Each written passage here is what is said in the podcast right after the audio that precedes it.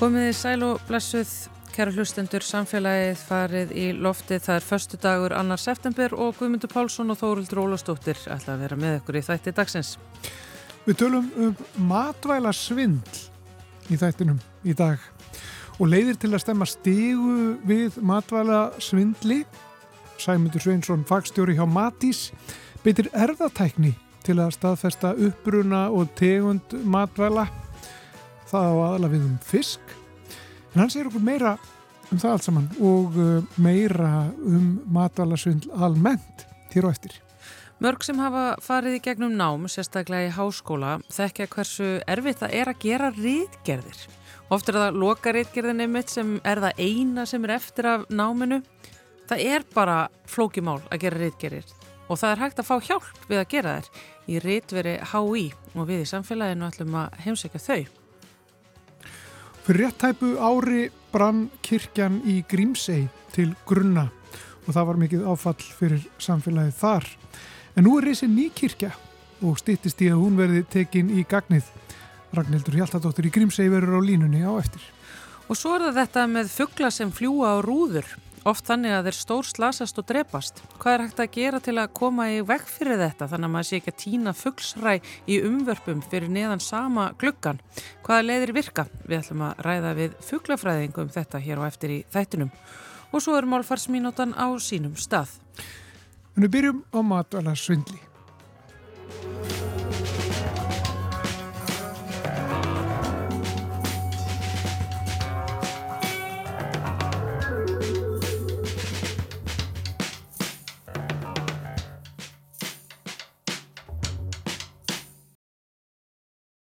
Við ætlum að tala aðeins næstu mínúturnar um matvæla svindl sem er eh, stórt vandamál og uh, ég getur oft tengst viðamikill í uh, skipulari glæpastarsimi. Hann sestur hjá mér Sæmundur Sveinsson sem er fagstjóri í erðafræði hjá Matís og er að rannsaka þessi mál fyrir þá stofnun og, og já, kannski í öðru samingi líka eða hvað? Er þetta, ég getur við byrjað að velta þess fyrir okkur bara hvað þetta er og hversu viðamikið matvæla svindl er og hvernig það byrtist Já, sko e, matvæla svindl er mjög viðamikið, ég held að bara allir það er allt sem bendir þess. Og það er alls konar útgáðar að því og það getur allt frá því að, að, svona, að fela uppbruna vöru eða jafnveil að, að fela tegundar uppbruna eða hvaðan sagt, varan uppbrunin og þetta er sem sagt ef við, tengjum þetta við, við glæpastar sem þá má kannski segja einfallega að, þetta er e, svona tegunda glæpastar sem, sem, sem þeir sem stundana geta grætt helmingin pening, það er miklu peningar í þessu en það er samaskapi frekar lítil áhætta eða kemst upp um þig. Það er ekki mikið viðulögin eru tildulega svona lítil. Og kannski má segja líka að þessar mismunandi útgáður eru misalvarlegar.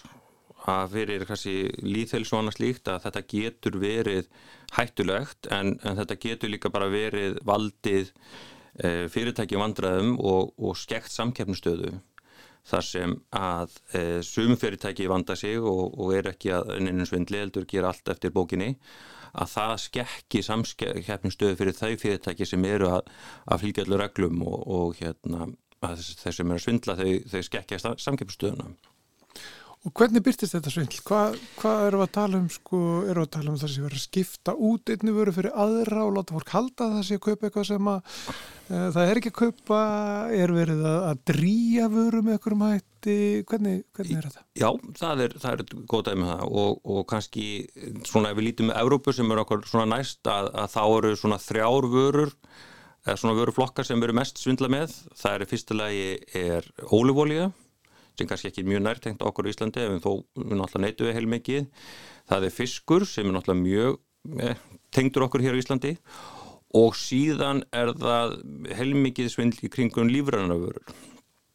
Og ef við tökum til dæmis ólífólina sem dæmi að þá er, eru til mjög margar útgáfur af ólífólju og það er mikið svona misjöfnum gæðaflokkum að þess að sem er kallað extra virgin oil, olive oil, það er svona háklassa vara og leiðut komið með vörur sem er mjög dýr og, og frambóðið kannski takmarkað að þá skapast það sjálfsög náttúrulega ákveðin kvati til þess að svindla með hana.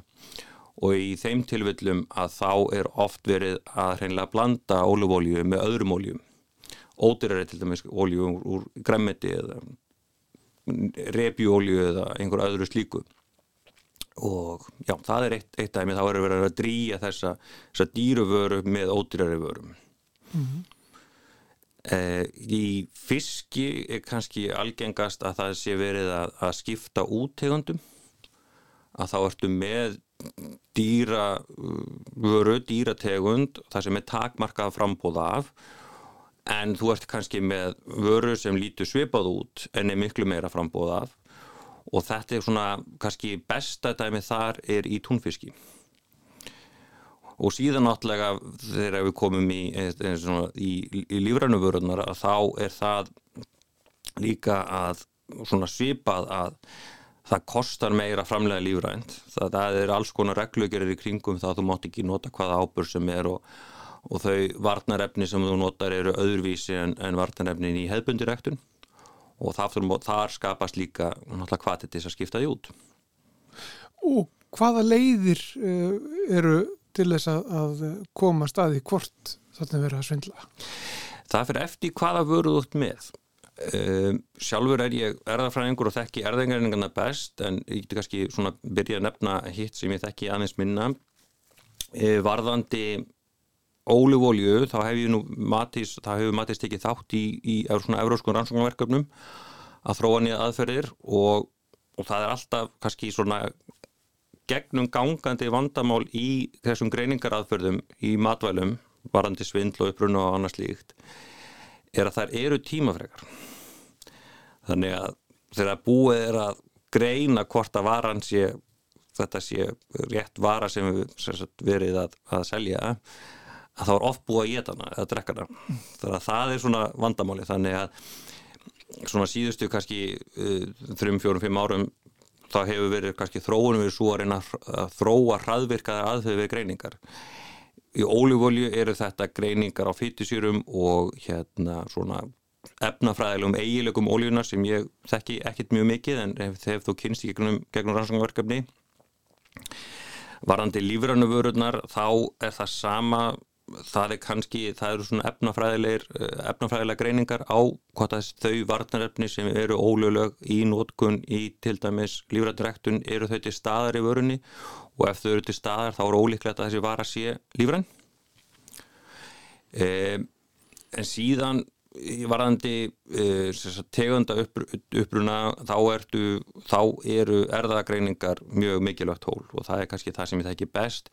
En svo fyrir utan þetta allt saman þessar, þessar greiningar aðfyrða á vörunusvöld með hendinni að þá eru líka sér reikjanleiki sem eða traceability önsku sem snýst svona um að viðhalda pappíslóð af öllum þeim vörum sem, sem verið að flytja inn eða, eða neyta annars líkt og það er kannski svona heimur sem ég þekki ekki mikið en það er svona þessi þessi reginleiki með papíslóðinu það er svona þessi hefðbundanlega til þess að tryggja eh, að komi vekk fyrir matúlasvindl en þessar greiningar aðferðir eru þá þessi tjekk sem hægt er að gera til þess að vita er umverulega verið um, um að vera svindláfuru eða ekki. Jú. og það er hægt að nota einmitt gera ykkur erðapróf það er að gera erðapróf á á matalum um, og eru það er það viðtekið, er það eitthvað sem er gert, er það hluti af, af eftirliti, er það hluti af, af einhvers konar svona viðleitni til þess að, að stemma stígu við matalusvilli? Það er eitthvað um það, já, það er gert hérna og sko eins og Matís er svona er, er, hérna rannsóknar fyrirtæki í Euríkisins, þannig við erum ekki í, í mataleftirliti en við fáum þó öðru hverju síni tilgreiningar. Uh, við greinum svona tegandagreinum sín kannski svona cirka 50 sínu ári. Mest er það þó uh, útflytjandur og matvælum.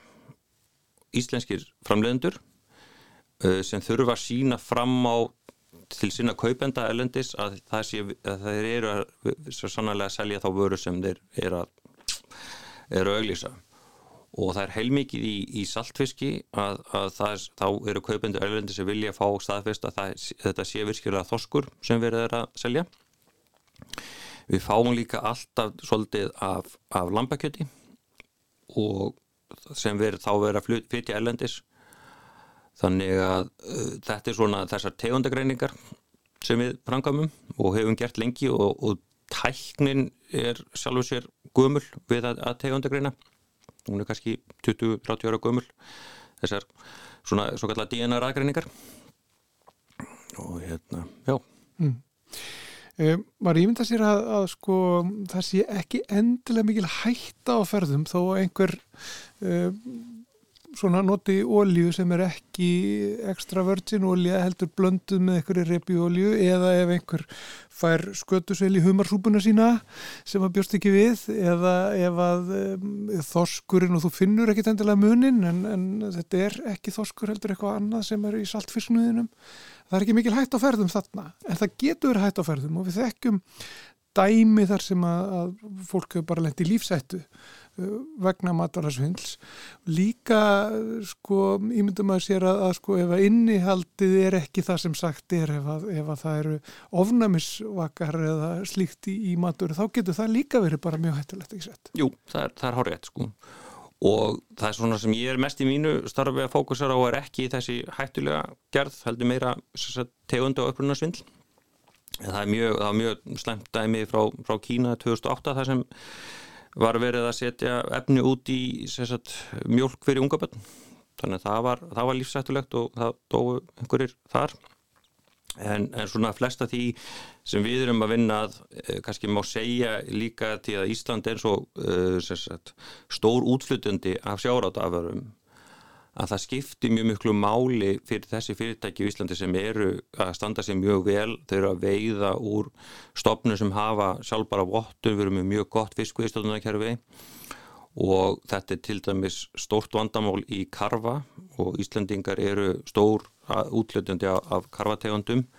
Að víða í, í norður öllusafi eru karfastofnar e, sagt, búið að ganga svolítið nærrið en það er búið að ofveða þá en þó við Ísland eru karfastofnar í, í góðu standi og það er ekki þetta er mjög slemt fyrir, þessa, fyrir íslensku fyrirtæki sem er að flytja út hágeðvöru veita og sjálfbarum stopnum að kepp, þetta er ekki sangett sko markaðsæstaða að, kepp, að keppa við einhverja sem veiða sem sagt, úr, úr stopnum sem er ekki með hérna vottun. Þannig að Þannig við erum með svona, gerum svona þjónustugreiningar og, og, og höfum verið að greina aðeins fyrir MSC sem er stór, stórvottunuðali. Þannig að já. Um, það hafa komið upp dæmi við munum eftir í fyrir nokkur ára síðan. Í Evrópu þá var verið að selja sko rossakjött sem nautakjött. Það vart aldrei stórt mál.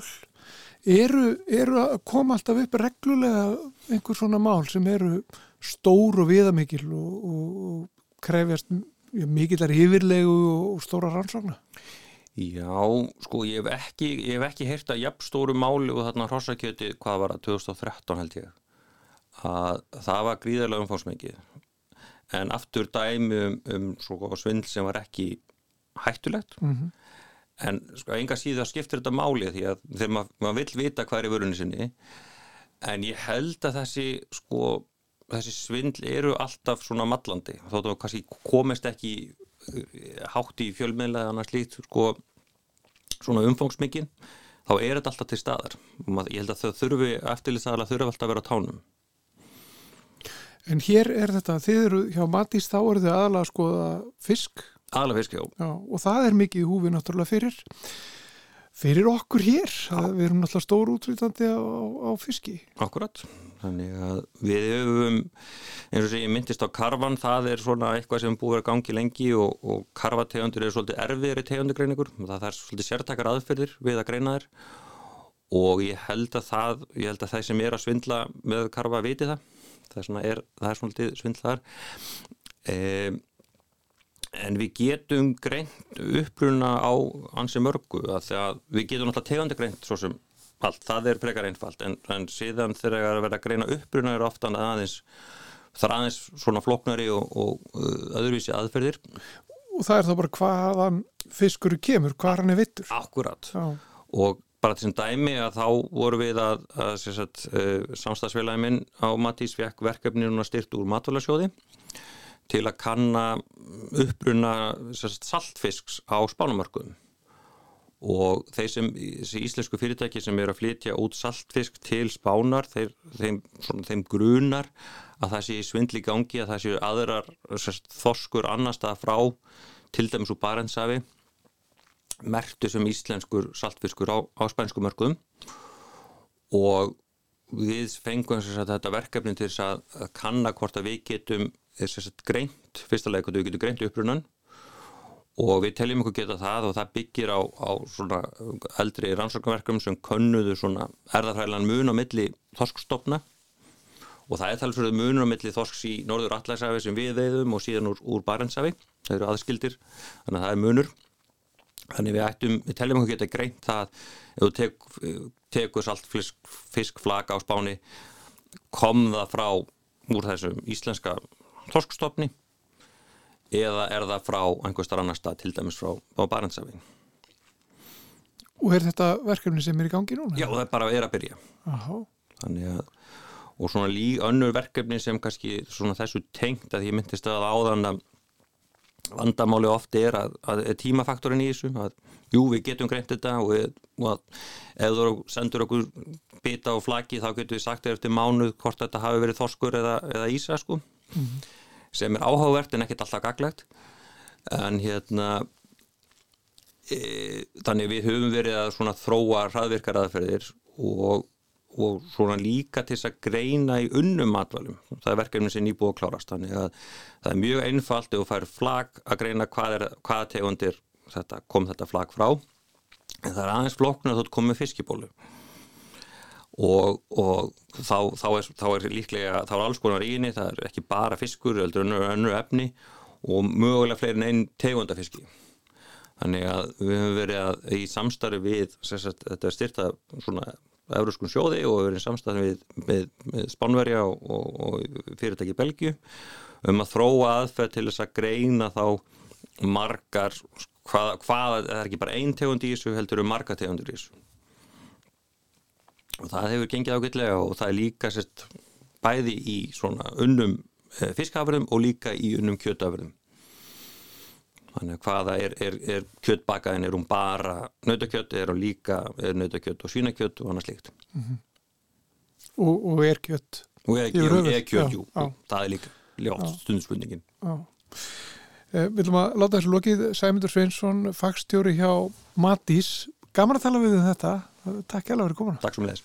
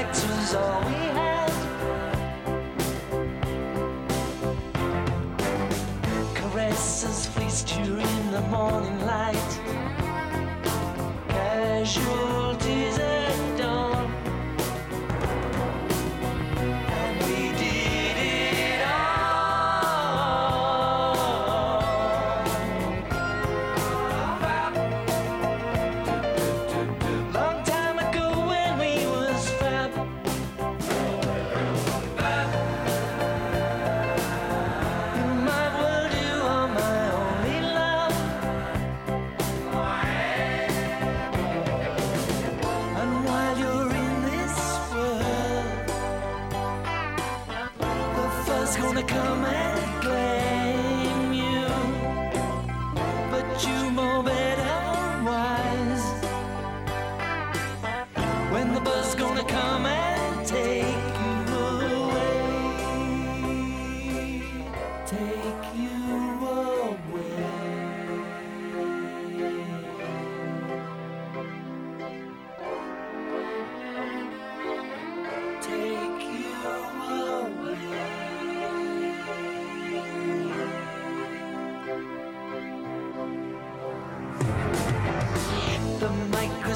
that magnified the tears. Studied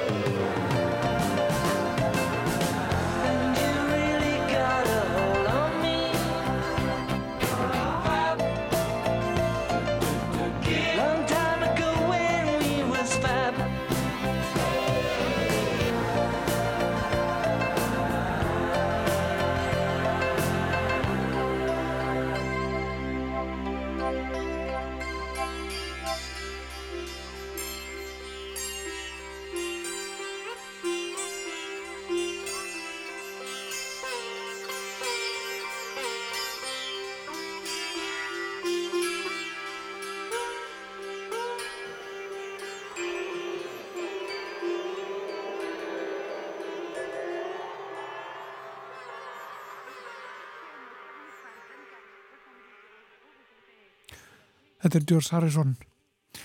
Lag sem heitir When We Was Fab og þetta lag kom út ára 1987 á plötunni Cloud9 og þannig er uh, George Harrison svona doldið að gera upp uh, bítlatíman þegar að bítlarnir voru kallaðir The Fab Four. Og Jeff Lynne hann uh, kemur við sögu þessu lagi. Hann þetta er svona samstarf þeirra, tvekja doldið þetta lag En áfram með samfélagið, samfélagið fór á stúfana í morgun.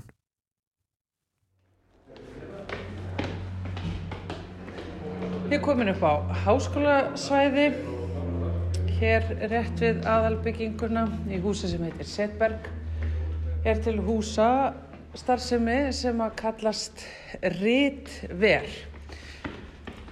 Og ég ætla að komast að því hvað er gert hér með fórstöðu konunni Emmu Björg Eyjólfsdóttur. Sælvart Emma. Sæl. E, mér skilst að e, þið hjálpið fólki við að gera reitgeræðnar sínar. Já, það er, er þannig. Það er sem sagt þjónusta fyrir alla nefndur Háskóla Íslands og við erum með starfstöðvar bæði á landsbókasafni og bókasafni mentavísindasviðs í Stakkarhlíð þar sem starfa jafningar áðgjafar á vegum ritversins og það eru nefnendur, framhaldsnemar við Háskóla Íslands úr öllum deildum sem hafa það að starfi að taka á móti nefnendum sem til okkar leita og vantar aðstóð við hvað eina sem við kemur ritgeraskrifum. Já, þetta er náttúrulega þekkt vandamál í akademíu að, að fólk kemst ekki í gegnum uh, rittverkefnin og, og náttúrulega mjög frækt að fólk er búið með gráðuna sína á bara eftir að skilja rittgerðinni. Hvað er þetta við rittgerðir sem er svona óyfirstíganlegt eins og oft bara kemur á daginn? Ég sko, ég held að þetta sé margþætt, ég held að þetta sé að hluta til snúst um það að við tölum ekki nógu mikið um ritun í háskólastarfinu, ekki um ritunina sem slíka við, og fólk náttúrulega kemur með mismunandi bakgrunn inn í háskólan og við höfum svolítið unni út frá þeirri hugmyndafræði að fræðileg ritun sé bara færni sem allir geta tilenga sér, bara eins og hvert annað fag. Og okkar verkefni er sagt, að styðja við nefnendur að auka og efla þessa færni sína. Um, ég held að þetta sé, já, ég held að þetta sé nokkur vandamál. Þetta er oft, þetta eru stórverkefni, um, það er misjant hvað fólk hefur fengið mikla þjálfun í, á fyrri námstegum, annað bæði í háskólanáminu, í framhaldsskólum og, og þetta er æfing, við þurfum alltaf að æfa okkur í þessu eins og öllu öðru og, og það eru þetta bratt fyrir fólk sem hefur kannski ekki mikla reynslu að því að skrifa, ætla allt í henni að fara að takast á við risastórt rítunaverkefni í, í fyrsta sinn. Þannig að við viljum mjög gert að fá nefndur til okkar sem allra, allra fyrst. Þannig að við, þau geti speklað sína eigin ritun með ráðgjafa og, og allt sína færni. Af því að þetta er, stundum er þetta líka bara spurningum að hafa einhvern með sér í liði. Í einhvern veginn að hafa einhvern sem er hægt að tala um skrifin sín við, tala um efnið sitt, koma þegar gengur illa og deila sigurum þegar gengur vel. Og þannig að þetta er líka svona samábyrðar mál. En þú sagðir áðan líka um að þetta liggur misvel við fólki, veist, bæði hvað var það náttúrulega bara fræðilegan bakgrunn og veist hvað þau eru að koma til dæmis úr mentaskóla og hvernig mentaskólinn hefur verið, en líka náttúrulega bara félagslegu bakgrunnur. Já, og það er, hérna, það er auðvitað þannig, minna, háskólinn er stofnun sem er fyrir allt samfélagið. Við eigum að þjóna öllum sem hinga að leita, sem er vilja að sækja sér mentun og, og það er auðvitað þannig að fólk er, kemur á, með mismunandi bakgrunn inn í háskólan, hefur mismunandi stuðning heima fyrir, við erum til dæmis með sérstakka þjónustu fyrir nemyndur sem að hafa erlend móðumál en skrifa á íslensku og vantar þá kannski móðumálstuðningin heima fyrir ísast fræðilegri ritun.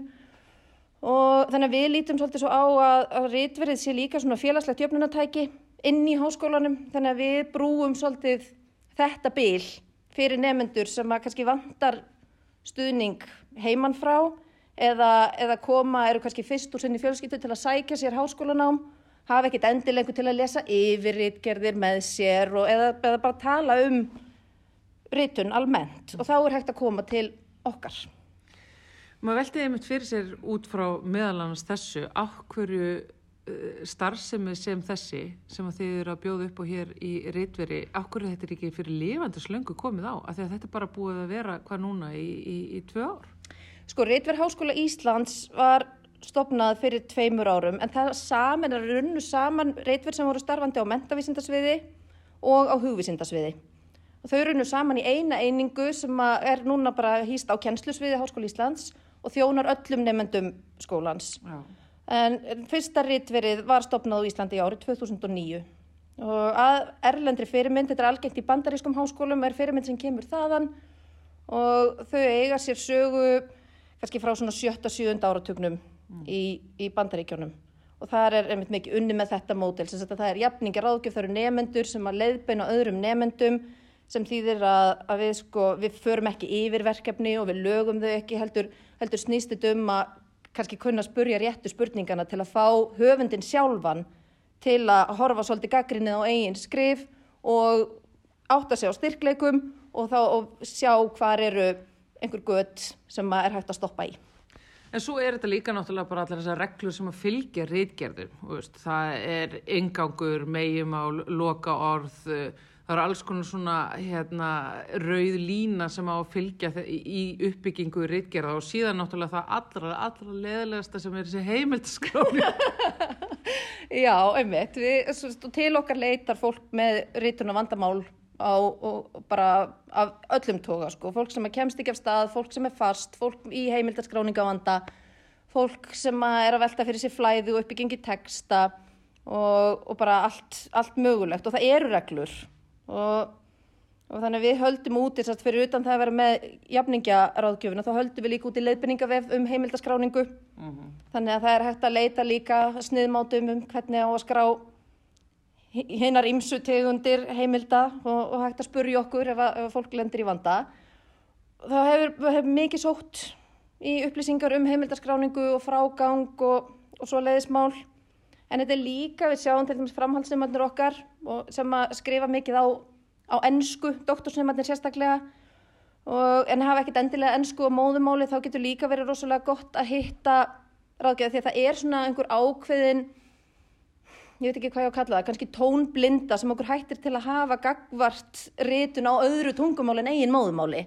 og þá er svo gott að geta spekla það við einhvern sem, að, sem heyrir Já. þennan blæbreyðamun. Þannig við erum með ráðgjafa líka sem eru ennskumælandi, með ennsku og móðumáli sem að sinna rítunarverkefnum sem eru skrifuð á ennsku og svo erum við með satt, íslensku mælandi nefndur líka sem að sinna íslensku verkefnunum og svo erum við að þjálfa starfsfólk sérstaklega í að, að taka á móti nefndum sem hafa erlendan, erlend móðumál og hvernig við leiðbynum þeim við fræðilega skrifa á íslensku. Já. En eins og þú sagðir áður að þið dræði alveg skýra línu, þið skrifið ekkert fyrir neitt eða, eða breytið ríkjurum ekki fyrir neitt. Nei, það er ekki þannig. Við erum alltaf að reyna að ebla höfundin sjálfan. Og þannig að, þannig að við viljum að nemyndur sem að komi til okkar fari út frá okkur færari í fræðilegri reytun en voru áður en þau komu. En við, við prófarkalesum ekki, við endurskrifum ekki rítgerðir og við gefum engar engunni, það er ekki svoleiðis, þetta er fram í gegnum samtal á milli tvekja jafningja þar sem er verið að skoða uppbyggingu, skoða stíl, skoða rítunina sjálfa og bara eiga samtal um hana því að við tölum alltaf sjaldan um rítun. Já, já. Já, ég held að margir uh, séu svona svo sem á þeim stað að þið finnist gaman að vera í skóla en hræðilegt að gera rítgerðir. Uh, þetta er dálítið svona grílan í akademísku ferli. Það eru allar þessar rítgerðir. Þú veist náttúrulega þekkt náttúrulega þegar þú ert að gera loka rítgerð að þú byrjar að hata efnið áður og þú byrjar að skrifa eitthvað um það. Þú missir trú á verkefninu, þú uh, missir uh, heimildirnar úr höndunum á þér eða finnur einhver heimildir og, og, og, veist, og það er náttúrulega bara mjög algengt að fólk bara líði, bara vítis kvalir yfir einhverju svona ritsmíðum. Já, það er það. Þannig að þá er að því við sinnum sko, við sinnum heimildaskráningarspurningum og rítunar tengdum spurningum þar sem við erum bókstaflega að skoða texta en líka bara sálgæslu. Að því að jafningar ágjáðarnir sem að starfi í rítverinu eru nefndur sjálf. Þau eru sjálfi að ganga í gegnum það sama. Þannig að þetta er líka svolítið spurningum að hafa stuðninga því nú er ég að skrifa doktorsritgerð og hef nýtt mér þess að þjónustuna sem nefandi áður en ég hóf störf hér. Og, og það er bara það er stundum svo gott að geta tala við einhvern annan en leiðbennanda sem að maður ræður um efnislega atriði og, og vil kannski ekki trubla í tíma og tíma en stundum þarf maður bara aðeins að segja einhverjum að það sé leiðilegt að skrifa í dag. Og, og það verður ögn skárra eftir, eftir tíman við, hérna, við gerum það líka. Þetta er líka bara sálgæsla og, og stuðningur og, og kvartning við erum líka að reyna bara að einhvern veginn leiða fólki í gegnum þetta því að þetta eru stór verkefni. Og það er bara, menn það er bara meirinn að segja það að fara að skrifa fræðilega ritgerðir upp á 20 eða 100 síðuna í fyrsta sinn. Það er bara mjög stórt verkefni að takast á við þannig að það er ekkert skrítið að fólki vaxið þetta í augum. Já. Já, ég vona allavega að færri gráti kottasinn yfir ríkjarsmíðum eftir að, ykkar starfsemi kom til. Það er þá allavega hægt að gráta með einhverjum. Það er að við grátum þá saman, það er, bara, það er velkomið að koma og gráta í ritturinu. Við bara tökum, tökum vel á móti grátandi nefndum og skiljum mjög vel hvaðan þau eru að koma. Og muniði síðan að það, þetta endar allt einhvern tíma. Þetta verður allt búið endanum og, og áður nú veist af og þá kemur hérna úr háskólaprentun og, og heldur á fullgerðu verkefni í höndunum. Algjörlega, þannig að við bara hvetjum alla nefnendur til að koma sem fyrst og koma sem oftast. Þjónustan okkar er ókeppis fyrir alla nefnendur í háskólanum. Það er hægt að panta tíma, er hægt að sko, fasta tíma bara með hálsmónaða millibili og, og við gerum þetta saman. Emma Björg Egilsdóttir, forstu kona hér í Reitveri í háskólanum. Takk hérlega fyrir spjallið. Takk fyrir mig.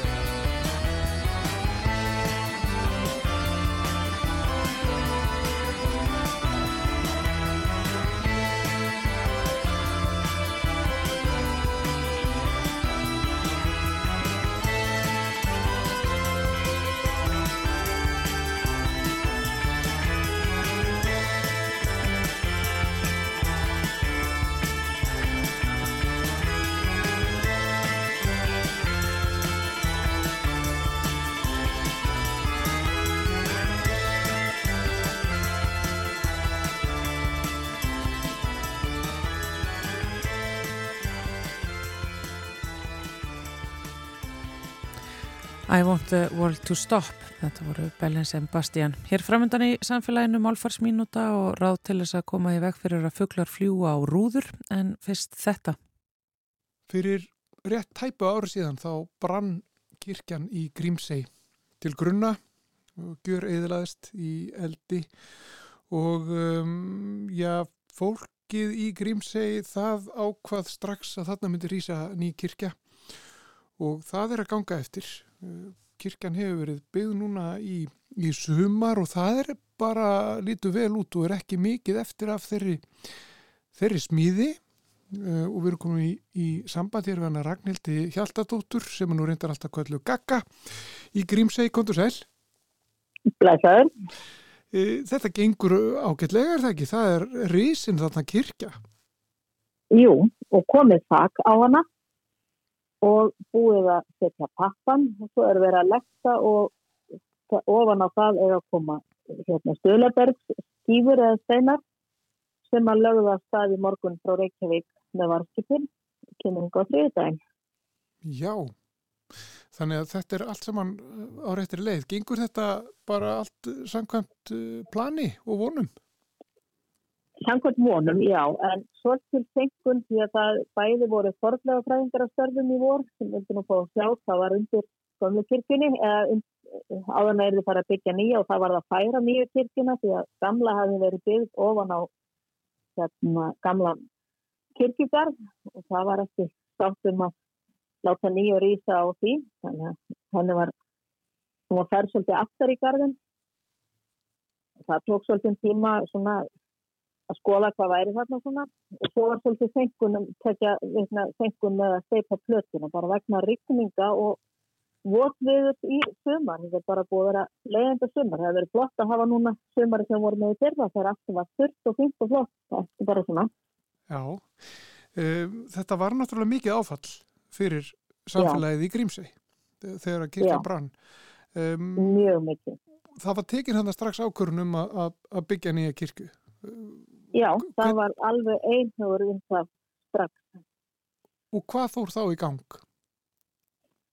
Ég, það var haft samband við hérna, Hjörleif Stefánsson, arkitekt og hann tók að sér að, að hanna kirkjuna og, og verið setið sér samband við smiði og, og alla sem að, að henni koma og hérna þeir smiðir eru frá Loftkastalan, hann er Hilmar og konan hans Inga og fólk með þeim sem er að veisa kirkjuna og svo er að koma múravar og, og rafvirkjamösturinn er hérðan, hann er Eirikur sem er bara fólk sem er tengt grímsið sem að færa það er að koma málum En það kostar náttúrulega sitt að reysa nýja kirkju. heldur betur. Það er ekki gripið upp úr aðstofsanum. Mm. Þetta er tölverkt dýrar en ég átti vona á en með velvilja íslensku þjóðarinnar bara þekki henni að þá er, hérna, eru komnar um 100 miljónir í söfnum og fyrir hann að rýst kirkjan. Þetta er bara ótrúlegur samtakamáttur, bara kunnum við bestu þakkir fyrir alla sem hafa lagt okkur lið heldur betur. Mm. Mörg fyrirtæki með ímiskonar afslátti og, og bara nefndi það. Veistu hvenar kirkjan verður tekin í nótkun? Er, er komin dagsetning á það? Sko, fyrsta dagsinningin er 21. september. Þá er komið eitt ár frá að kirkjan brann og þá á að hafa aðtöfn í kirkjunni, Otti Björni Prestur kemur og Friðrik Ómar allar að syngja, hann ætlar að vera fyrstur til að syngja nýja kirkjunni og það verður svona aðtöfn um það að minnast gömle kirkjunar og fagna því hver, hversu langt er komið með nýja. En hvenar nýja kirkjun verður vígð er ekki komið dagsinninga. Nei. En hún á að vera klárað utan fyrir vetturinn. Já. Þannig að það, þegar að ár verður liðið frá, frá bruna gömlu kirkjunar þá ætli það svona aðeins að, að minnast þess og, og, og taka Já. hina kirkjuna í gagnið svona einhverju leiti. Já, má ekki segja þetta sé bæði erfidrykki og partí. Jú, eflaust að segja það. Já. Já, En ef við tölum aðeins um bara hvernig hefur verið í Grímsey núna í sumar, þú ert nú tengt ferðaþjónustu í Grímsey. já, við, ég er með gistu heimili bása. Já, hvernig hefur þetta sumar Það- verið? Það hefur bara gengið vonum framar. Það er hérna, að meðan að COVID var þá fengum við marga íslendingar sem var mjög, mjög ánægulegt, alveg dásamlegt fólk og svo núna eru þeir útlendingar með svona sækísu veðrið og er- eru með þessu núna fram í september sem er ekki. Já, Það er enn- enn að týnast til okkar fólk. Þó að lundin sé farin. og hvernig kemur fólk til ykkar? Kemur, kemur fólk fljúandi eða siglandi? Eða? Bæ- Bæði, bæði með ferjum við sæfara og eins með flýju hjá Málandir á Akureyri. Mm Og sjáu þið fram á vöxt í ferðaþjónustunni á næstu árum þarna? Já, já, já, já. Er mig, ég er alltaf fjartinn. Já, ég, nei, í alvöru tala, ég hef fulla trú á þessu. Þetta er það fólk sem er að koma og sérstaklega svona eftir aðal hérna, tímabili er að sækja í kyrðin og friðin og ekki skemmir það að þér norðiljósin sem er náttúrulega fullkomi hér, það er engi fjöld til að skikja á, það smá vesum að með utan á öðri hæni, það verður að hafa skílaust en, en hann nýttur að draga frá annars lægið og fólk er bara að koma hinga til að, til að bara kókla sig út úr öllu, einhvern veginn bara í frið og kyrð og rólegheit og þá er grímsið fullkominn staður. Já, Hann er þess að færist ró og friður yfir þá sem koma og heimsækja okkur. Það- Þetta er bara paradís. já. Og hvað eru þið mörg sem eigið heima þarna í, í Grímsey núna?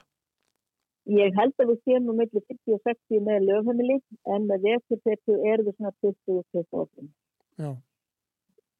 Og maður rýmdur sér að þarna sé þá ansi svona náið samfélag. Já, þetta er, bæði góða og samakosti, við vitum allt um alla. Mm. eins og ég segi við túristana, við vitum allt um alla og hvað allir gera og líka hvað þeir gera ekki. Þetta er bara dásanlegt samfélag. Það standa allir saman þegar eitthvað bjartar á og heldur betur samanæðis með kirkjuna. Heldur betur þá kom í ljós samtakamátturinn og enginn er í neinum. Þetta upp í okkur. Það er verið að smíða bát. Það er að koma nýr bátur núna næstu dögum til Grímsvegar, fyrstu bátur. Þannig að þetta er allt og upplýtt. segjum þetta gott uh, frá Grímsey, Ragnhildur Hjaltadóttir, Gagga. Kæra þakki fyrir spjallið og gangi ykkur vel.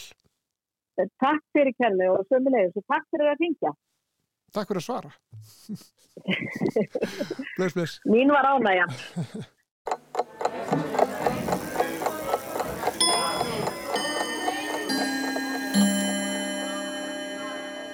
Tæknin er undursamleg. Máltækni til dæmis styrkir ekki bara stöðu íslensku, heldur leiður af sér alls konar hjálpartæki fyrir þau sem skrifa á íslensku. Innbyggleiri þingarforrið í rítvinnslukerfum gera tillögur að lagfæringum sem getur verið mjög hendugt. Yfirlestrar tól á netinu eins og skrambi og yfirlestur.is eru líka gagleg við yfirlestur. En stundum taka rítvinnslukerfin fram fyrir hendurnar á skrifaranum og leiðrétta að honum fornspurðum. Málfarsráðunautur hefur oft lent ill í þessu. Til dæmis þegar ritillin í tölvupóstinum breytir einu orði í tvö eða tekur eitt enn aftan af endingu og í flýtinum uppgötvast mistökin ekki fyrir en pósturinn hefur verið sendur. Af því má læra að það borgar sig að lesa allan texta yfir áður en hann sendur á stað eða byrtur.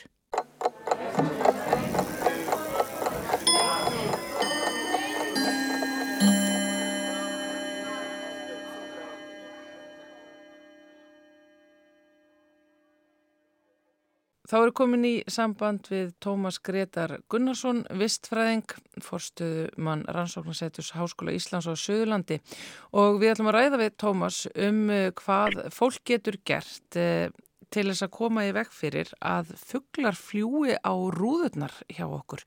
Sættu Tómas? Það veistu.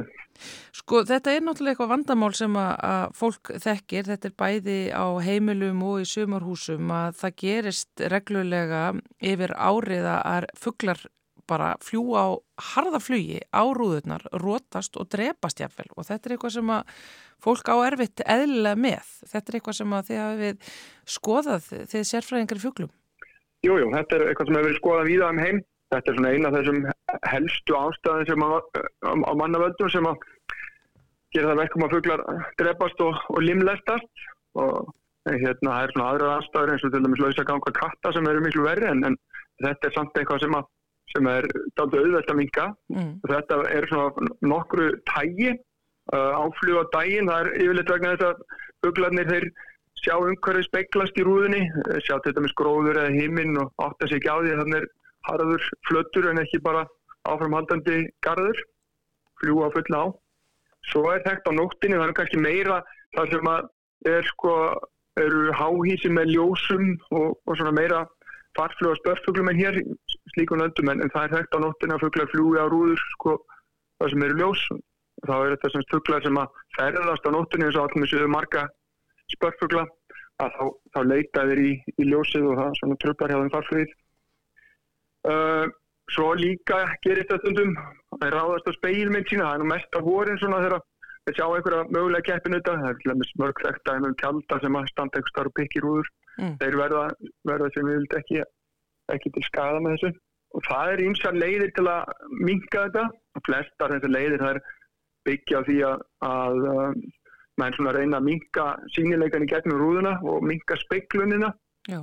Og það dýr ekki oft setja menn til dæmis eitt límið á ránfugla eitthvað svo og það dýr eiginlega ekki. Það er ekkit sem að fuglarnir kannski endilega tengja við að fuglir fullir í ferð og, og megnið af rúðunni er ennþá bí, bí til speilmynd. Þannig að þessar aðferðir sem að menn nota það eru annar, annars vegar kannski að reyna reyna einhvern veginn að, minka speiklunina sjálfa sko með einhverjum, einhverjum aðgerðum með að búa til svona reglulegt minnstur á, á rúðuna og það er til dæmis til í þetta maður hægt að kaupa netinu alls konar limmiðar til dæmis með svona blettaminstri maður hægt að setja yfir rúðuna teip ímiskonar hefur verið notað það er hægt að kaupa í þetta sérsta teip sem að myndar svona minnstur á rúðuna, þetta er nú ekkit allt kannski svona smekklegt í, í, í hugum fólk sem að hugsa mikið um svona hlutin, það er svona það er hægt að fá alls konar útgáður Já, já, það er Að alveg hægt að finna einhverja smekklega leiðir. Ég get alveg staðfesta. Já, já, akkurat. Og svo er málning náttúrulega, það er til málning sem að þetta þú að svona án mikilvæg fyrirhafnar, hún, hún getur hjálpað líka, það er þetta að leiða krakkunum að mála einhverjum myndir á rúðuna til dæmis. Mm. Svo er eitt sem að kannski geti hendar við ellendis að menn eru mikið með moskítóneti í glöggunum sem að getur hún farið að henda hérna svona með tilkomu lúsmísins að fólk eru farið að setja ramma í glöggana meira með neti það getur virkað líka en sko flest af þessu það er utan á rúðuna ef maður setur innan á rúðuna þá minkar það speklunin ekki mikið sko en þetta eiginlega flest af þessum úrræðum eru eiga við utan á rúðunni Já, já. og svo er náttúrulega þetta slökkva ljósin rullugardinu náttúrulega geta aðeins ef maður hefur það svona ekki alveg ekki alveg lokað sko þá kemst inn byrta en, en það er svona dregur úr dregur úr því að fuglarnir sjáu í gegn en það getur náttúrulega hjálpað líka já. en það er svona ýmislegt sem þetta er að gera þessu tægi Það er eins og allar þessar lausnir náttúrulega eru þannig að það er þá verið að, að, að eh, hérna, setja eitthvað á gluggana eða, eða hilja þá en, en það er náttúrulega eitt af því sem að Íslandika náttúrulega tengja mikið við. Veist, e- Við erum hrifnir af stórum gluggum og við erum ekki með neitt á þeim. Að, Þú veist, Já, já. eða málinguðin einu. Er ekki til eitthvað svona sem að sérst, við sjáum ekki en fuglarnir sjá. Það er ekki að finna það upp. Sko það er alltaf til svona filmur sem að gera rúðunar þannig að þú veist, þú sér út en fugglinn sér ekki inn. Þa, Já. það, það er kannski eitthvað sem er að gera. Já, Þannig að sko, svo er þetta náttúrulega ekki allar rúður yfirleitt. Fólk þekkir það vel sko að það er í bústanu hjá sér eða, heima. Þetta er alltaf sömu rúðurnar sem að fugglarnir eru að fljúa á. Þannig að þú, veist, þú getur oft haft kannski einhverju glugga sem er gott útsýn út, útum en það er gripið til einhverju aðgerða á þessum gluggum sem að fugglarnir eru stöðut að, fljúa á sko. já, Þannig að það er kannski eitthvað, slíkt. Fólk er aðeins, kannski margt af þessu sem að fólk hefur verið að nota erlendis kannski ákveð vel við hér þar sem að söðustanáttin lemur á rúðurum en við nýbyggingar að þá er fólk nú aðeins að huga aðeins til þess að vera með svona einhvers konar rúlugardínur utan á húsunum sko. Já, sem að þannig að þá er þetta í rauninni stjórna, stjórna því hvað, hvað fyrir að byrta inn og hvað, hvað sést og svona einhver- einhvers konar svona sólar sólar gluggatjöld utan á, það er ímsar útgáðu til þess Já. það er þetta fljótt svona þegar það fara á netið. Ég eitt sem á nefna líka það er, það er, það er svona uh, það er svona raðir af mjóum kaðalspottum sem að hanga yfir gluggan það var, það var með svona lista efst og að hanga úr þeim svona litli kaðlar sem að mynda svona uh, kannski svona 5 cm á milli þá kemst byrtan inn og þú sér út en, en þetta myndar utan á gluggan og svona regluvett mynstur sem að kannski samfærir fugglinum að þetta sé ekki áframhaldandi garður heldur, heldur eitthvað mannvirki sko. það er eitt sem vera hægt að nota en þetta er náttúrulega kannski hendur ekki vel í íslensku veðurfari já. Ég myndi tjekka alveg sérstaklega á því hvort að það að setja blóm út í glugga uh, sem að væru há og mikil uh, myndi hérna hjálpa en það gerir það ekki af því að fuggl greiði náttúrulega halda að þeir séu bara þá í raunin að fljúa innan um gróður þannig að Já. það, það stoppar, stoppar það ekki greiðin. Nei, þetta þarf vera þetta mikið sko. Samanber sko að rannsóknir sína þessar silhuettur af ránfuglum sem að fólk er að líma kannski einu á miðjan gluggan að það er að hafa sára lítið áhrif. Þetta þarf eiginlega að vera þannig að fuglin átti sig á því þegar hann er á fullir í ferð sko að þetta er ekki áframhaldandi skóur Mm. og þetta brjóti upp speklunina sko. Þannig að þetta, þess vegna er fólk að nota kannski eitthvað teip sem að setja í kannski einhverju neti svona á gluggan eða einhver minnstur sem að þið ekki alltaf stóran hlut á honum. Auðvitað kennst byrtan inn áfram að miklu leiti kannski gegnum svona en þú kannski hefur ekki sama útsýni og hafðir áður. Nei, nei. En þetta er, er mjög fallega gert, það sem að mikið ber á þess að grípa til einhverju aðgerða því að þetta áhrif okkar á, á lífheimin er orðin það fjölbreytt og, og mikil sko að allt svona sem að getur hjálpað, það er alveg sjálfsagt að reyna, fallega gert að reyna svona að grípa til einhverju aðgerða. Þetta er líka einmitt eitthvað þegar fólk er bara búið að vera að týna dauða fugla eða rota eða illa slasaða alltaf á sama stað fyrir neðan sama gluggan að þá bara er það líka kannski ákveðið bara svona ákall um að, núna þurfum maður að, fórna einhverju fyrir þessi, þessa litlu vini okkar. Já, já, auðvitað, fólk hefur, auðvitað ekkert gaman að þessu og það er kannski rétt að nefna það líka sko, ef að undir drepa stugla bara strax en oft eru þeir vankaðir sko, þá eru þeir kannski auðvitað bráð til dæmis fyrir ketti og slíkt, þannig að það er ágætt að setja þá bara í pappakassa í miskri og hafa þá kannski að það er mjög kallt sko, þá er þetta að taka þá inn en ekki hafa það á mjög heitum stað og, og svona gákortir jafna sig ekki, kíkja á þá, ekki, ekki vera handfjallað mikið leifaða með þeir í friði kannski svona í hálftíma og kíkja svo á þá og oft er- hafa þeir nú jafna sig og geta flóið í burtu og Já, ef ekki þá má reyna að gefa þeim me- meiri tíma. Í þetta erlendis eru sko eitthvað svona atskvör sko að þú getur farið með svona dýr en það við erum ekki með neitt svona eins kerfa á Íslandi. Það er kannski helst hústýragarðinu sem að hefur svona reynd að hjálpa fólki og, og, og fuglum sko þegar eitthvað svona kemur upp já. En svona allir jafna eins og fyrir þessa algengustu fugla hér á Íslandi, það, það er ef að þeir rótast bara, innan gæsalappa, að þá, það, það á ekki að taka á langa tíma að ranka úr því, svo sem.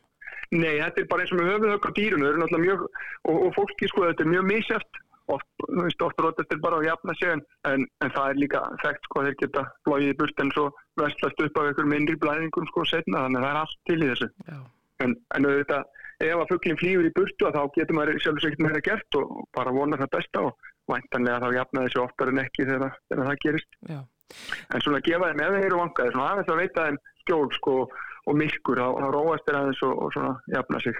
Sko, núna veit ég að það er náttúrulega eh, erfitt fyrir ykkur svo sem að taka þetta saman, þetta er ofta en nú talaður um að þetta væri svona eina svona helstu ástæðum þessa að fuglar deyja af mannavöldum, eh, þá fyrir utan kattaegn. Um, það eru þessar rúður sem að þeir fljúa á.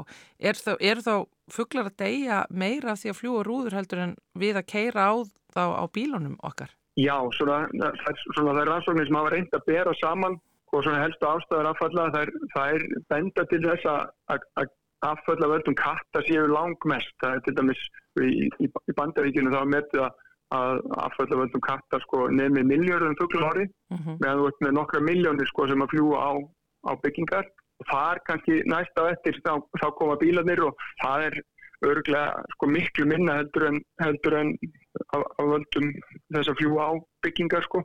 Og svo er aðrir ásaka, ásaka valdar þar á eftir að fuglar eru að fá rafstuð að fljúa á ramaslínur eða að lenda í vindmilum eða eitthvað slíku en kettinir eru sem sagt langu eftir svo koma byggingarnar og svo koma bílarnir þar eftir og það er talsveit mikill munur á þessu, þessu þrennu sko. Já, en allavega tilitna til þess að, að- reyna að draga úr þessu öllu áhrifum alls þessa katta, rúða og bíla á, á, á fuglana. Það er bara gefa þeim alltaf smá sjens eh, möguleika til þess að, vaksa og dafna. Já, það er um að gera, gerum allt sem við okkar valdistendur. Takk kærlega fyrir þetta Tómas Gretar Gunnarsson, uh, vistfræðingur og fórstuðum að rannsóknarsetus Háskóla Íslands á Suðurlandi. Takk sem leiðis. Og þannig ljúkum við samfélaginu þennan daginn þessa vikuna en uh, verðum við aftur á mánudagina sjálfsögðu á okkar tíma millir klukkan 1 og 2 Guðmundur Pálsson og Þórildur Ólastóttir þakka fyrir sig og kveðja. verið sæl